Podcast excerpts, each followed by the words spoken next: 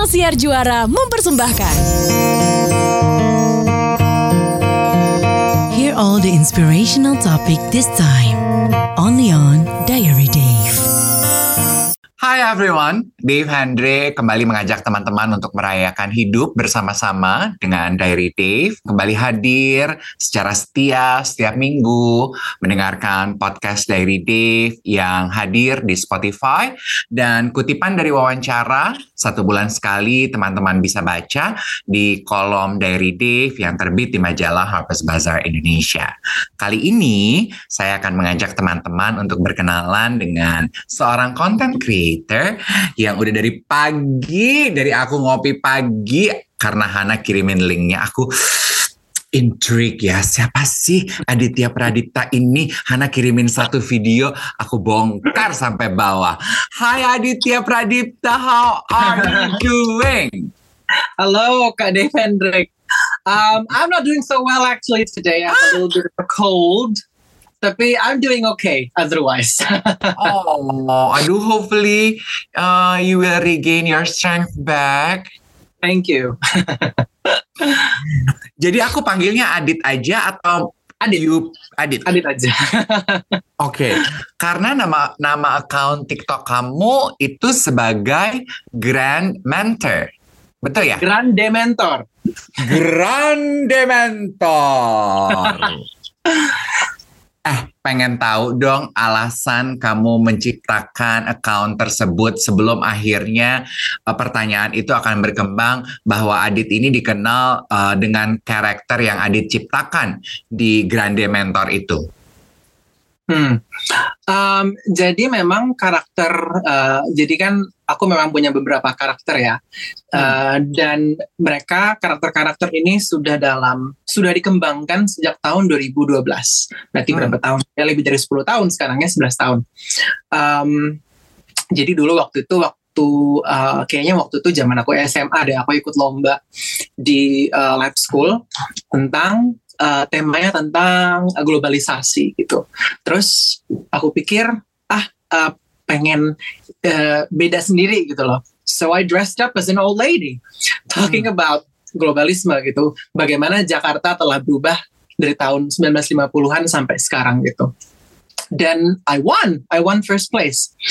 Terus um, sejak itu kemudian aku kembangkan gitu ceritanya. Karena um, aku orangnya jack of all trades, I suppose. Jadi aku aku rasa aku bukan expert dalam satu jenis seni. Jadi oke, okay, uh, sedikit-sedikit menulis, sedikit-sedikit seni peran gitu kan. Uh, dan akhirnya ya dikembangkan gitu loh. Akhirnya aku bikin video-video kecil gitu dan ya udah jalan 11 tahun ya kira-kira dan ceritanya semuanya masih in development gitu ya tapi beberapa misalnya kayak aku tuh bikin video di TikTok itu beberapa udah keluar dan itu sebenarnya ya cuma iseng-iseng aja gitu ya karena kalaupun misalnya gini ke aku dibilang uh, content creator I guess I do create content to a certain extent tapi um, it's not the main thing that I do. Uh, jadi I don't know. Sometimes I have weird feelings about that word when I hear it. Oke, okay. jadi uh, nggak uh, terlalu nyaman disebut sebagai content creator because you only think that you create content sometimes, but it's not your bread and butter per se. Yeah, I mean, first and foremost, I'm a teacher and I'm a writer. Mm. Uh, aku kan kuliahnya S1 pendidikan bahasa Inggris, S2-nya linguistik terapan bahasa Inggris. Dan memang aku terlatih untuk mendidik hmm.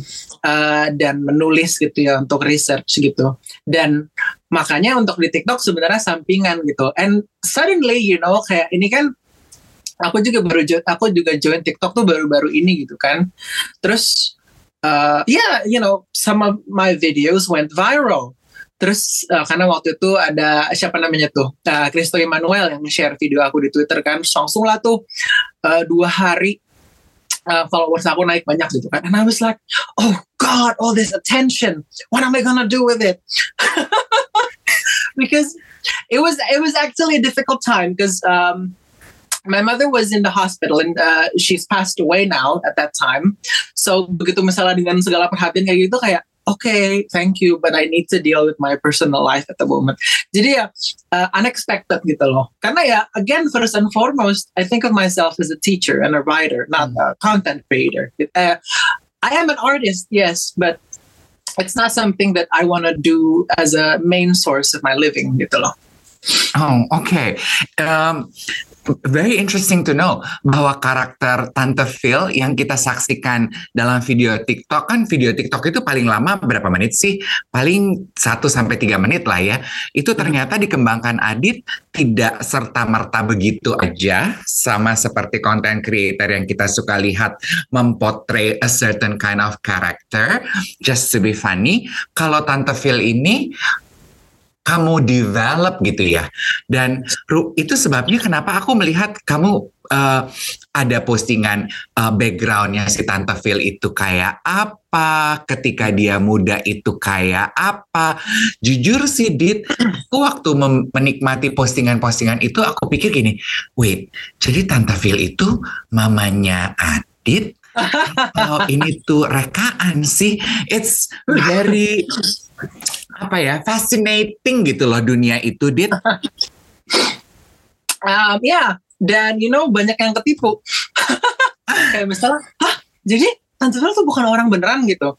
Dan that flatters me of course. Tapi ya kemudian juga waktu itu di Twitter sempat ada orang yang merasa ketipu gitu ya. Dia nggak ngap Twitter gitu lah ya. Mereka bilang kayak iya apa sih? Ternyata ini laki-laki gitu kan. Uh, as if I fooled them as if I ask them for money or something kayak mohon maaf kakak butuh gue dan um, tapi ya memang aku memang uh, apa ya karena gini ya kak Dev uh, aku kan menciptakan karakter Tante Phil ini berdasarkan keluarga aku sendiri gitu ya. Jadi berdas aku kan uh, aku gaduh-gaduh gitu loh. Aku ada keturunan Jawa, keturunan Betawi, keturunan Indo Belanda. Dan kebetulan memang waktu aku kecil aku nggak pernah diajarin budaya Jawa lah budaya Betawi. Yang aku lihat adalah oma-oma Indo-Indo Belanda ini gitu loh yang sekarang generasinya sudah mulai punah ya. Hmm. dan in a way I'm trying to keep that generation alive the memories of those generation alive. Uh, karena ya misalnya kita ngelihat ini ini kan generasi kayak titik puspa gitu ya modelannya. Hmm. dan maksudnya there's not a lot of them around anymore gitu loh. And that's kind of sad. Jadi uh, makanya orang-orang bilang ih misalnya uh, kayak apa ya untuk kayak sehari-hari pun gitu misalnya. Aku tuh ngomong misalnya kecoa tuh corok. Karena hmm. dan teman-temanku tuh cuma dengar istilah itu tuh yang ngomong tuh kakek neneknya gitu loh. Uh, jadi ada hal-hal yang kayak gitu loh that I'm trying to keep I'm trying to keep them alive. Dan kayak misalnya aku punya masalah keluarga gitu ya apa pun itu dan I can't change it of course karena ya siapalah gue gitu. Um, so in a way aku mencoba mengubahnya dengan menciptakan cerita tentang uh, keluarga. Jadi kan Tante Phil ini nggak cuma sendiri gitu, dia juga punya keluarga dan aku bikin biografi mereka dari bapaknya, ibunya, ponakannya, nenek moyangnya itu komplit family tree-nya semua. Itu in development dari tahun 2012. oh my god. A silly question.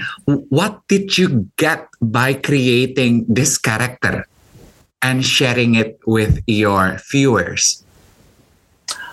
Apa ya mungkin semacam katarsis ya. Karena hmm. um, waktu aku kecil aku dekat sekali dengan oma-oma di keluarga aku gitu kan. Dan sekarang most of them are gone. Dan ya ketika misalnya aku melakukan hal tersebut gitu ya ya other than keeping their memories alive aku juga misalnya membayangkan karena aku ngeliat Phil kan aku bikin karakternya uh, ceritanya dia 50 tahun lebih tua dari aku gitu loh. Uh, you know, is this who I want to be in like in 50 years? You know, someone who is sophisticated, someone who is um, well educated and very uh, dan dia orangnya sangat ya apa ya? Dia adalah ideal dari aku gitu loh yang aku aku ingin jadi sebagai sebagai seorang individual gitu. Dan um, satu respon yang aku uh, tidak expect dari orang-orang adalah mereka pun juga eh jadi inget nenek aku jadi inget dosen aku jadi inget tetangga aku gitu. Dan ujung-ujungnya apa ya aku jadi berinteraksi dengan nostalgia mereka gitu. Karena aku ini bukan merendahkan orang lain yang doing impersonations ya tapi kan mereka kadang-kadang untuk doing impersonations lebih ke sisi komedinya. Dan Hmm. uh, kadang-kadang lebih ke stereo stereotype gitu kan. Dan uh, cuma kalau aku uh, kayak mm, try to get over the fact that I'm a guy in a wig Hmm. and a dress dan uh, ya udah kebetulan aja gitu loh dan yang penting adalah karakternya gitu dan ini yang aku belum pernah lihat di Indonesia gitu loh so I'm trying to Hmm. fill that niche kalau misalnya di luar Hmm. negeri kan banyak. Ada misalnya di Australia ada Dame Edna gitu. Di Inggris juga banyak sekali gitu kan tradisi uh, apa sih namanya seperti ini. Jadi ini agak beda dengan drag queen ya di mana drag queen kan uh, apa orang-orang kayak oh ya tahu gitu kan dia memang seperti ini dan memang lebih cenderung outrageous gitu. And that's good gitu loh. Tapi kalau kalau aku sendiri ya ibaratnya ya ini sebuah peran yang ya anggap aja dia orang beneran gitu loh seperti itu. Hmm. Kalau nanti in the future, since you are also uh, an artist and an actor, kalau tiba-tiba nanti in the future ada yang berminat mengajak sosok Tante Phil ke layar kaca on screen, would you do it? Did? I would tapi ya itu sesuatu yang aku kepikiran ya karena you know when when I was starting out waktu itu tahun 2015 I had my first job. Dan itu sebagai tante Phil. Itu dia ada di media company gitu. Cerita dia cerita-cerita horor gitu. Dan you know I was I was in college. Dan uh, aku ingin memastikan bahwa uh, kalaupun uh, apa namanya karakter ini muncul di layar gitu loh dengan tangan orang lain ibaratnya ya.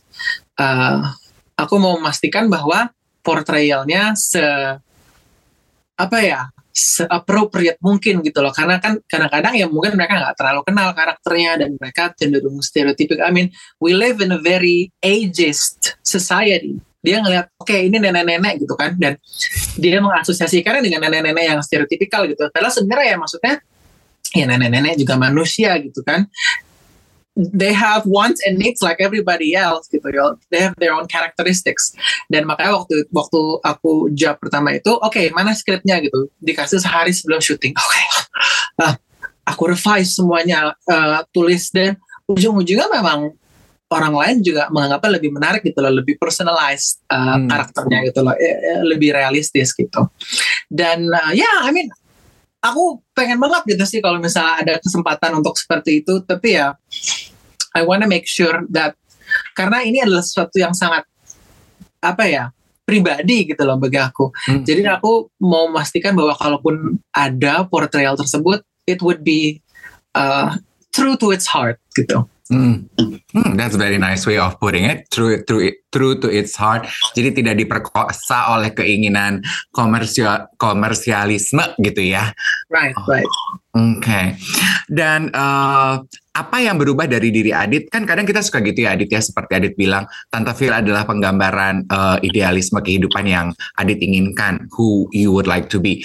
Menurut Adit semenjak eh, Adit mempotret kehidupan eh, karakter Tante Phil, apa yang berubah dari diri Adit? um, di TikTok ada orang yang banyak komen ya maksudnya eh kak pernah gak sih eh, apa mengambil peran sesuatu terus terpengaruh? And I'm sorry but that's kind of bullshit.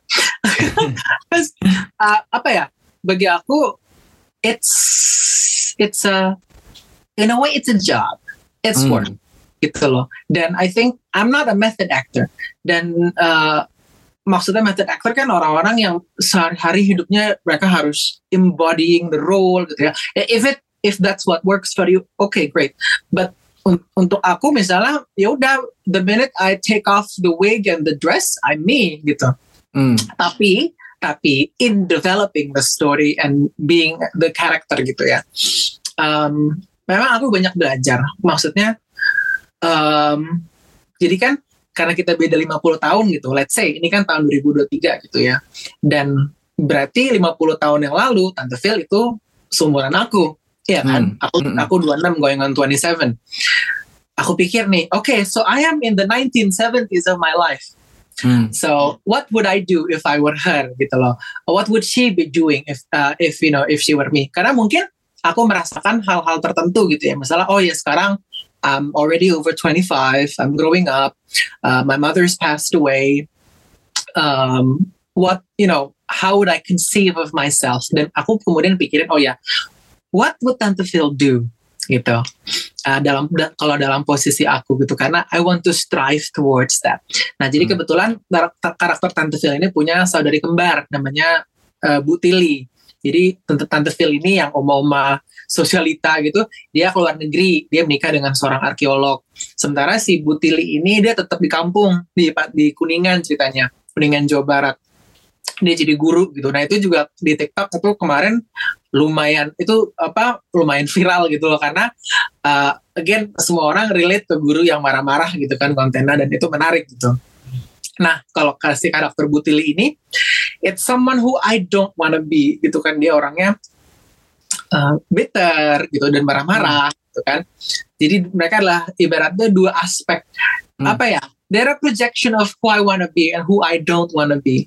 So in a way mereka seperti kaca gitu loh. Hmm. aku melihat mereka sebagai refleksi diri aku. Kalau misalnya aku ke arah if I make this choice which lady would I be gitu loh ibaratnya. Hmm.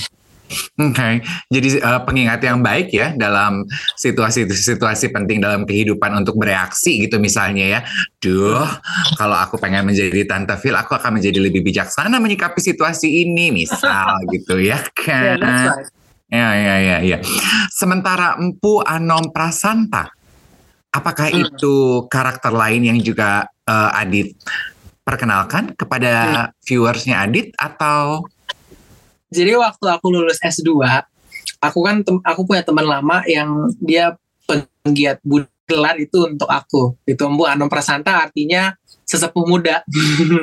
Ah. Nah, aku pakai aku kemarin pakai itu sebagai username gitu kan. Dan gini ya lucu ya kak Dev. Maksudnya aku tuh taruh nama aku di bio gitu Adit gitu. Terus orang-orang kayak manggil lah kak Grande kak Empu. Kan aku kayak aduh nih piye toh literasinya gitu loh. Gue ya baca gitu ya tapi ya udahlah mohon maklum aja gitu loh. Eh, tapi ya apa ya kayak aku mikir gini kan eh kayak dulu mau aku mau ngasih nama aku Tristan waktu aku lahir. Tapi karena papaku sangat Jawa akhirnya oke Adit gitu. Oke namanya sangat pasaran. Tapi ya it's okay I love my name. Cuma mungkin dalam aku berseni gitu ya eh, aku pengen nama yang ya apa sih ibaratnya nama pena yang ini ya yang Hmm. apa yang yang unik gitu loh yang beda sendiri gitu ya aku sempat kepikiran oh ya mungkin kayak nama aku di eh, kayak disingkat gitu ya tapi kemudian waktu kebetulan teman aku ngasih aku gelar ini ini sebenarnya cuma bercanda-bercandaan doang gitu kan temanku oh kayaknya asik juga nih ya namanya ya udah akhirnya aku jadiin username gitu Hmm, Oke, Ah, oke. Kita kita menduga aja gitu apakah ini akan menjadi karakter baru yang diperkenalkan. Gitu. bikin keris gitu Eh, apa Adit yang yang Adit rasa berubah dari cara Adit membuat konten di sosial media setelah karakter pertama mungkin ya Tante Phil dikenal orang in your word menjadi viral atau sama sekali nggak ada perubahan Dit? Hmm. Mungkin lebih ke gini ya, Kak Dev. Um, misalnya ada orang-orang bilang, kayak, Kak Dev, Tante Phil mana, Tante Phil mana? And I'm like, you know, it takes a lot of effort to be this lady. Uh, harus, I mean, I don't even do the makeup myself. Ada temanku yang bantuin gitu kan. And yeah, old age makeup is not easy. Um, terus harus pasang wignya, wig yang di style, pakai baju, dan I wear the full underwear dari BH sampai celana dalam nenek-neneknya juga aku punya gitu. Wow. I do. Terus that, that takes a lot of effort kan. Dan apa ya? Mungkin aku sekarang lebih mikir gini. Ketika aku mau melakukannya, I wanna go all out gitu loh. Maka kadang-kadang begitu Hmm. aku udah in kostum, aku tuh seharian gitu loh bikin konten. Walaupun kadang-kadang yang keluar ujung-ujungnya cuma tiga menit gitu ya. Ya, eh, aku merasa aku masih trying to apa ya? uh, trying to perfect the art of uh, the art of it all gitu loh, memproduksi konten. Karena aku pun juga tidak mau menjadi content creator gitu loh. Aku nggak punya kapabilitas untuk constantly producing content. Jadi ketika aku membuat konten, it would be intentional.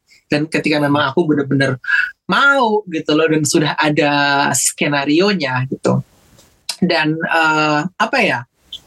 Uh, untungnya sih ya misalnya ya waktu yang kemarin yang aku cerita ya oh ini ini ini cowok gitu. Untungnya itu tuh udah berkurang gitu loh karena maksud maksud aku iya udah you know just get over it gitu kan. Uh, akhirnya uh, yang akhirnya aku jadi bisa fokus ke aspek-aspek yang lebih serius gitu loh dari karakternya. Misalnya menceritakan masa lalunya gitu ya. Hmm. uh, misalnya aku aku aku, aku dan lucunya ya kak Dev aku tuh yang waktu itu masuk yang viral itu adalah gara-gara aku review sambel Hmm. videonya. Dan itu aku kayak eh kayaknya asik nih karena aku habis cobain sambel lah gitu kan. Sorry. Terus aku habis cobain sambelnya eh aku ceritanya review oh ya ini enak sekali gitu. Terus orang-orang tuh kayak you know they were amused by that you know karena kayak kapan lagi ngeliat nenek-nenek yang modelnya kayak Min Uno nge-review sambel gitu loh. Terus eh, ya udah akhirnya makanya aku mulai sekarang kayak oh oke that time it was by accident. Aku harus lebih percaya sama insting juga gitu ya. Tapi di sisi lain juga eh, untuk berikut berikutnya harus lebih well planned gitu aja. Su- supaya aku kira-kira tahu gitu loh what to expect gitu. Oke. Eh, aku melihat kan di video TikTok Adit eh, juga beberapa kali mengomentari eh, nature-nya para pengguna TikTok orang Indonesia nih gitu. Kayak tadi komentarnya Adit aduh gimana sih nih literasinya? Kok lo nggak mau baca sih? Kok lo nanya sih? Kan lo bisa Google gitu. Tapi Adit jawab juga ketika ada yang bertanya.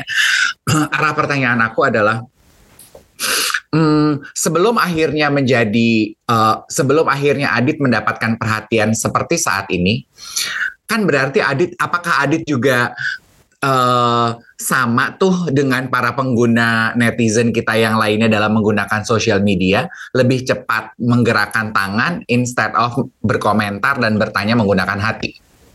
Hmm. Um, mungkin karena aku gini ya, aku dari SMP, uh, sebenarnya dari aku kecil gitu ya, aku rasa aku orangnya selalu berhati-hati dan kritis karena memang aku diajarkan sama orang tuaku, sama guru, sama guruku gitu untuk kritis. Hmm. Dari SMP pun gitu lah, aku udah kayak misalnya waktu itu ribut-ribut soal Malaysia mencuri budaya Indonesia gitu, dan aku tuh kayak coba kita lihat dulu situasinya seperti apa faktanya ada apa aja gitu research dulu gitu dan kemudian ketika aku kuliah gitu kan dan makanya kayak misalnya waktu Kak Dev bilang eh, ya nih misalnya aku mengeluh gitu ya misu-misu ini gimana sih netizen gitu? Dan tapi ya tetap aku jelasin. Itu karena ya aku guru gitu loh. Itu adalah training aku sebagai seorang pendidik bahwa uh, this is actually what I wanna do you know for, for, for a living gitu ya untuk untuk mengajar dan mendidik. Uh, karena kemudian misalnya uh, waktu itu waktu itu yang jadi topik tesis S2 aku ya itu tentang meme nggak bisa bahasa Inggris. Dan aku dan belum pernah ada yang meneliti soal itu gitu kan jadi aku teliti soal itu. Karena aku sadar bahwa ada orang-orang yang berkonflik mengenai uh, hal ini. Jadi uh, apa ya? Aku orang yang aku juga bukan orang yang baru walaupun aku baru di TikTok ya. Tapi aku dari aku remaja aku dulu di Ask FM berapa tahun. Lalu di Twitter aku juga sering uh, apa namanya mengutarakan pendapat di, di situ gitu. Sampai uh, sekarang periode ketiganya adalah TikTok gitu loh. And I'm only 26 I, I have no idea what I'm going in the next year next few years. Dan aku udah terbiasa gitu loh dengan netizen-netizen yang kurang kritis gitu loh. Dan ketika misalnya aku berbicara mengeluh itu aku mencoba untuk ngomong kayak pointing it out. Karena mungkin orang-orang pointing it out gitu. Tapi kan nggak semua approach-nya uh, dengan data atau Hmm. dengan tujuan untuk mendidik. Karena kan kebanyakan untuk ada yang sumisu aja ada yang julid gitu ya.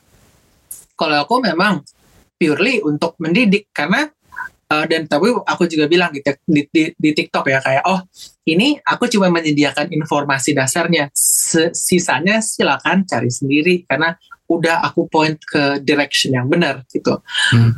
in a way aku mikir gini aku kemarin aku baru lulus S2 tuh tahun kemarin. Kayak ya Allah ini uh, gue S2 ini buat apaan? Gue belum ngapa-ngapain gitu loh. Berasa berasa blow on banget gitu kan di rumah. Akhirnya ya aku pakailah uh, degree aku untuk menjelaskan hal-hal kayak gini karena ya nggak ada lagi yang ngejelasin di TikTok kan kita sumber informasi kita di Indonesia sangat terbatas gitu so I'm trying to fill that niche gitu. Hmm, oke. Okay. I just want to be sure. Uh, uh, tesis S2-mu apa? Uh, tentang meme gak bisa bahasa Inggris. Oh, I see. Oke, okay. oke. Okay. Uh, itu juga sebetulnya yang yang yang yang I find it interesting ya bahwa uh, aku juga diajarin temanku waktu PSBB pandemi mulai untuk kenalan sama TikTok. Terus video pertama yang sok-sokan gue bikin ya bahasa Inggris campur-campur karena entah kenapa kalau udah gugup kayaknya lebih gampang pakai bahasa Inggris. Terus diajarin tuh sampai dapat pelatihan dari orang TikToknya. Kak nggak bisa gitu kak. Kalau di TikTok itu lebih uh, mass, kesempatan lebih luas uh, untuk jadi FYP kalau pakai bahasa Indonesia aja. Pertanyaan aku sama Adit. Sudah mengetahui fakta itu karena Adit ngangguk-ngangguk pas gue ngomong. Tapi lu kekeh tetap strict to your lane, tetap menggunakan bahasa Inggris. Kenapa? Um, justru enggak sih ya, karena aku di, di dulu dari dari di Twitter juga aku udah pernah menghadapi masalah yang sama dengan yang uh, hmm. Kak hadapin. Dan karena aku juga sudah meneliti mengenai isu tersebut, konten aku aku sediakan dalam dua bahasa gitu. Mm-hmm. Ada yang dalam bahasa Indonesia dan dalam bahasa Inggris tergantung uh, kontennya apa dan audiensnya siapa. Kalau aku merasa hal ini akan lebih beneficial untuk mm. masa yang lebih luas, aku cenderung pakai bahasa Indonesia. Tapi karena aku ini sebagai lulusan bahasa Inggris dan memang orang-orang pengen melihat konten bahasa Inggris itu aku aku sediakan juga gitu. Cih, uh, pengen tahu dong apa hasil penelitian yang kamu dapatkan saat kamu menyelesaikan tesis S2mu MIM nggak bisa bahasa Inggris? Oh. Jadi uh, yang menarik adalah ya kayak misalnya tadi Kak Ade bilang uh, kadang-kadang kalau kita gugup kita lebih nyaman pakai bahasa Inggris, and that's true. Jadi kan orang-orang dulu berpikir bahwa ketika kita berbicara dua bahasa itu diproses di bagian otak yang berbeda. Tapi hmm. penemuan hmm. yang terbaru menunjukkan bahwa kita mempunyai mempunyai sistem komunikasi yang terintegrasi dan bahasa-bahasa kita tuh adalah berbagai corong gitu loh. Hmm. Dan sistem komunikasinya satu gitu. Dan mereka dan corong-corong ini kadang-kadang saling menggabung, tergantung tujuannya apa. Makanya kadang-kadang orang menggabung bahasa. Hmm. Nah, uh, orang cenderung menggabung bahasa misalnya ketika mereka merasa lebih nyaman dan dalam kasus Kak Dave misalnya ketika misalnya Kak Dave gugup mungkin lebih uh, nyaman pakai bahasa Inggris tapi orang-orang yang tidak berasal dari konteks tersebut mereka yang tidak bisa berbahasa Inggris mereka melihat itu sebagai ah sok keren Hmm. Ah, makanya akhirnya lahir kan dia nggak bisa bahasa Inggris gitu kan itu kan sebagai hmm. defense. Kenapa? Karena uh, mereka melihat bahasa Inggris sebagai simbol dari apa yang tidak mereka dapatkan. Dan kalau misalnya aku bilang kasarnya, ini bukan salah mereka gitu loh. Ini adalah kegagalan sistem masyarakat kita untuk memberikan pendidikan yang merata gitu. Makanya orang-orang bilang kan, maksudnya ya gimana sih punya HP, punya pulsa, masa sih nggak bisa belajar di YouTube gitu kan? Ya oke, okay, bener sih, bener gitu. Cuma kan ibaratnya secara materi kalau kita berbicara soal politik gitu ya, mereka tidak punya urgency untuk hmm. um, mempelajari bahasa Inggris karena dibilang kau kalau belajar bahasa Inggris bisa sukses oke okay. tapi mereka mikirin banyak hal-hal yang lebih serius gitu loh bayar tagihan gitu hmm. kan uh, ngurusin keluarga lain-lain gitu kan bahasa Inggris buru-buru jadi urgency gitu loh jadi ini adalah namanya uh, aku lupa namanya jadi dia ada jurang antara mereka yang bisa bahasa Inggris dan tidak bisa bahasa Inggris gitu dan kita harus melihat dalam kacamata, oke okay, untuk yang nggak bisa bahasa Inggris, kita harus lihat dalam kacamata mereka secara material dalam masyarakat kita, mereka punya privilege apa aja, karena mereka cenderung tidak punya privilege. Lalu hmm. bagi yang kami yang bisa bahasa Inggris, kita punya privilege tertentu. Memang tidak enak ya dihakimi ketika ah apa sih soal bahasa Inggris itu benar. Tapi kita secara sistemik tidak didiskriminasi. Kita punya privilege dalam berbahasa hmm. Inggris gitu loh. Nah, jadi yang ingin aku komunikasikan adalah melalui konten aku gitu ya, selain dari si Tante Phil ini, bahwa karena kebanyakan konten mengajar soal bahasa Inggris kebanyakan soal grammar, hmm. soal pronunciation gitu kan. Sementara jarang ada yang ngebahas lebih dalam tentang sisi sosiopolitisnya gitu. Makanya aku mencoba, again, aku selalu mencoba trying to fill in the niche. Hmm, interesting. Menurut uh, Adit, apakah jurangnya jurang antara mereka yang bisa berbahasa Inggris dengan mereka yang tidak bisa berbahasa Inggris saat ini semakin dekat atau enggak? Karena kan kayaknya semakin banyak ya orang Indonesia uh, generasi di bawah aku yang udah lebih bisa bahasa Inggris dan jago. Betul. Um, jadi mungkin jurangnya semakin dekat, tapi intensitasnya juga meningkat. Jurangnya semakin hmm. tinggi, dekat, tapi tinggi. Kenapa? Karena um, sikap politis ini muncul meme nggak bisa bahasa Inggris, meme ih bahasa anak jaksel gitu. Itu kan muncul tahun 2018 akhir ya. Dan sebelum-sebelumnya kan kayaknya nggak ada. Cuma isolated case. Tapi sekarang kita bisa melihat di media sosial uh, bahwa ini adalah fenomena yang viral istilahnya. Jadi mereka orang-orang mungkin sudah punya rasa tidak suka terhadap bahasa Inggris karena mereka nggak bisa gitu kan. Lalu karena mereka tervalidasi oleh orang-orang lain di internet yang melakukan hal yang sama, mereka melakukan hal yang sama gitu. Misalnya mereka ngeracokin orang yang ngomong bahasa Inggris di internet gitu. Nah di sisi lain memang banyak anak-anak sekarang yang lebih bisa bahasa Inggris. Oke, okay, gitu. Memang benar. Sehingga jurangnya uh, semakin menjadi ada jembatan lah ya. Tapi ada latar belakang politisnya juga sehingga intensitas uh, apa namanya perseberangan antara dua sisi jurang ini semakin uh, semakin jauh gitu loh. Ya walaupun jadi semakin dekat tapi di sisi lain juga semakin jauh. Karena ya aku pun juga nggak paham ya. Tapi intinya sih memang aku rasa bahasa Inggris menjadi simbol eh, hal-hal uh, yang tidak bisa mereka dapatkan privilege tertentu dan juga simbol uh, nilai kebarat-baratan gitu ya. Kalau misalnya orang-orang di sini yang uh, anti barat gitu sikapnya. Karena misalnya mereka cenderung konservatif gitu ya misalnya. Dan itu pun juga menaikkan orang-orang konservatif gitu kan dibanding beberapa tahun yang lalu gitu ya. Hmm. kalau kita pikir tahun 2000-an gitu kan 90-an nggak seperti ini gitu ya. Jadi ya ini sebenarnya adalah gejala dari masyarakat kita gitu loh mengenai jurang bahasa Inggris ini makanya aku pengen meneliti gitu Oke, okay. dua pertanyaan terakhir untuk Adit. I think you are a good storyteller. Gak pernah kepikiran untuk punya podcast dan membahas isu-isu yang Adit bahas di TikTok atau Adit merasa bahwa uh, viewers TikTok jauh lebih uh, sesuai dengan apa yang Adit mau? Hmm. Aku kepikiran sih dan orang-orang sering bilang, ayo kayak kak, I would love to listen if you do a podcast gitu. Tes katanya suara aku ASMR gitu. Terus aku kayak oke okay, ya belum dengar gue congor Betawi aja gitu ya.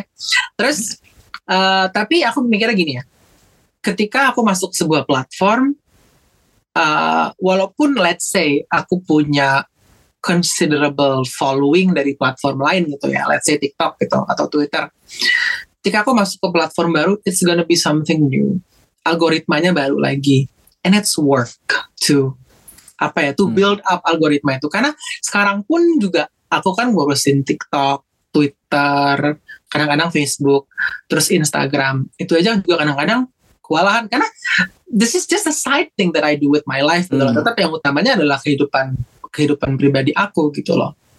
Jadi aku tuh kayak hmm misalnya ada orang suggest aku bikin podcast, aku mikir kayak, duh kadang TikTok aja gue capek gitu loh. I feel you. I know, right? Uh -uh. Secara produksi tuh podcast kayaknya jauh lebih kalau TikTok produksinya 5, podcast berarti 15 gitu ya. Aduh, TikTok aja yang 5 gue suka lelah gitu ya. Makanya, makanya. Jadi ya. Uh, as a proclaim jack of all trades, Adit, apa di antara sekian banyak keahlian, kesukaan, passion Adit kalau Adit hanya boleh pilih satu, you got only 24 hours, 8 jam untuk tidur, sisanya untuk bekerja. Sisa waktu bekerja itu kamu cuma boleh melakukan satu, apa yang akan kamu lakukan? Ngajar. Hmm. nice. This is something that I've always known sejak aku TK karena aku ingat waktu itu ada anak SD kelas 1 waktu aku TK dia nanya kamu kalau besar mau jadi apa? Aku jawab jadi guru. Terus uh, aku nanya kalau kamu mau jadi apa? Dia, aku mau jadi Power Rangers. And that was the first time I rolled my eyes. Tapi sejak hari itu aku tahu bahwa oh ya suatu hari nanti aku mau pursue ke arah aku menjadi guru gitu loh. Dan ketika aku habis ngajar ya capek ya capek ngajar gitu loh. Apa sih yang nggak capek?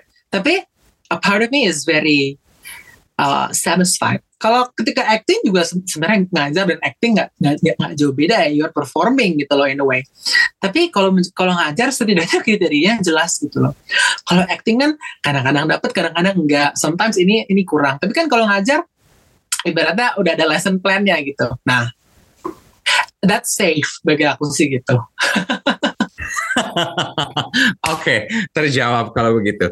Adit, thank you so much sudah mau sharing cerita kehidupan Adit, memperkenalkan sisi personil dari Adit yang selama ini mungkin tidak banyak diketahui oleh para penggemarnya Adit. Kita coba mengenal karakter-karakter yang diperkenalkan Adit. Ada banyak inspirasi yang dibagikan di Diary Dave kali ini. Thank you so much. Cepat sembuh dari flu-nya ya, Adit. Thank you so much Kade for the opportunity. God bless you. Sehat-sehat selalu. God bless you too. Bye everyone. Thank you for listening. See you on the next episode.